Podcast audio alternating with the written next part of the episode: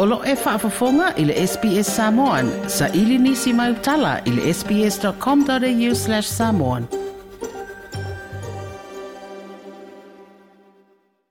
A tonu o se tasi o whainga po o mai lei whaapisi nisi e tele ina whaapolonga ina ma whaamativa ina ai tangata i au se nei. O se whainga e whaingoa ina o le whaatau nei a e totongi muli muli po o le buy now, pay later i se su su enga ale a onga fa pisi nisi le Universite o Sini. Mo i loa ai le tūlanga ua sai sai ai nisi e company e pei ole afterpay ma le zip i aita alafu e whainga tāo na to e tōngi tōngi. E whātusa i le lua se fulma le lima pa sene o tangata anu u au se tālia e whaao ngā ina le buy now pay later e o fōina i se awala e mawai e tangata se oloa i se awala vave e sa inia se malienga e tōngi tōngi le tau ole nei o loa se ia mai a. Na iloa i le sua suenga a le a onga wha pisi nisi le Universite o Sini, e owa i le walu se la wafe tangata e wha ina le a wala le nei e wha atau waini o loa. Ai o le tō teleo i lātou, e le tasi, ai tele isi accounts e wha atau wai.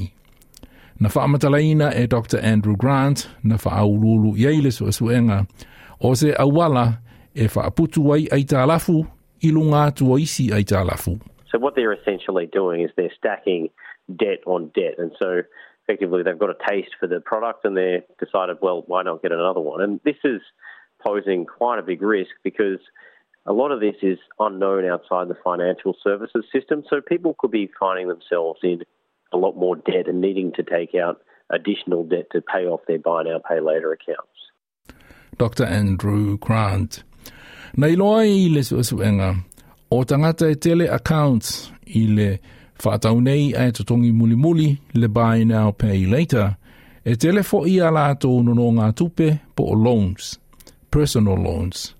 E tele ina lato whaau ngā ina credit cards, ma o le to tele e afua mai ino fuanga e māua la lalo le tūlanga i tutongi ma tupe maua.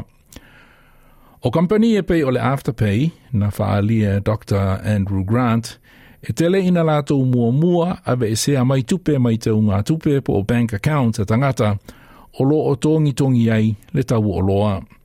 O lo na winga, e se i mua mua e le Afterpay tupe, ma le mawhaia i e nisi o na tōngi mea e sili o na mana o mia, ma tatau o na ave i ai le wha mua mua e pei o mea ai ma pilia fō mai. So they're looking and saying, look, our default rates aren't that high.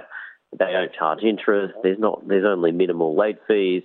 But we're not causing harm to the consumer without the understanding that the harm is not being caused directly, but maybe indirectly through uh, an inability to make payments on their credit card or uh, you know, people needing to go without um, what they really need in order to pay off their buy now, pay later debt.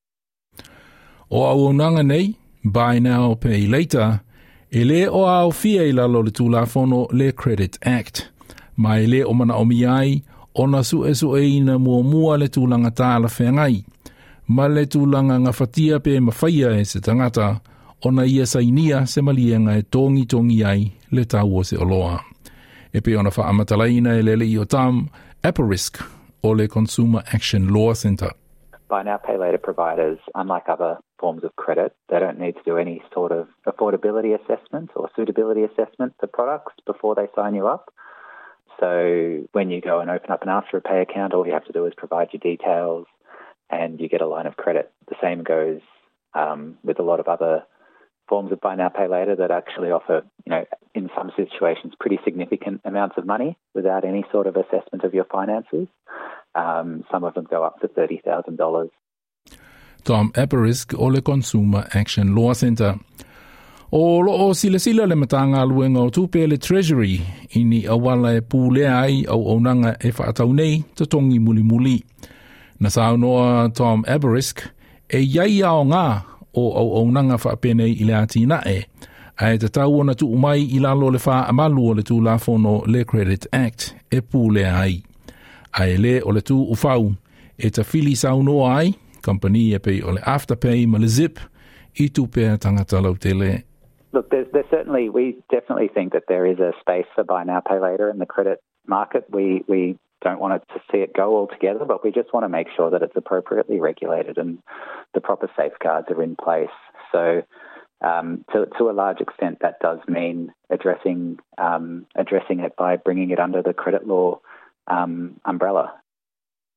O le reportina wha Sam Dover more le SBS News. toi pia whaafafonga i nisi telefoon pia. Whaafafonga i le Apple Podcast, le Google Podcast, Spotify, ma po o whea lawa e podcast.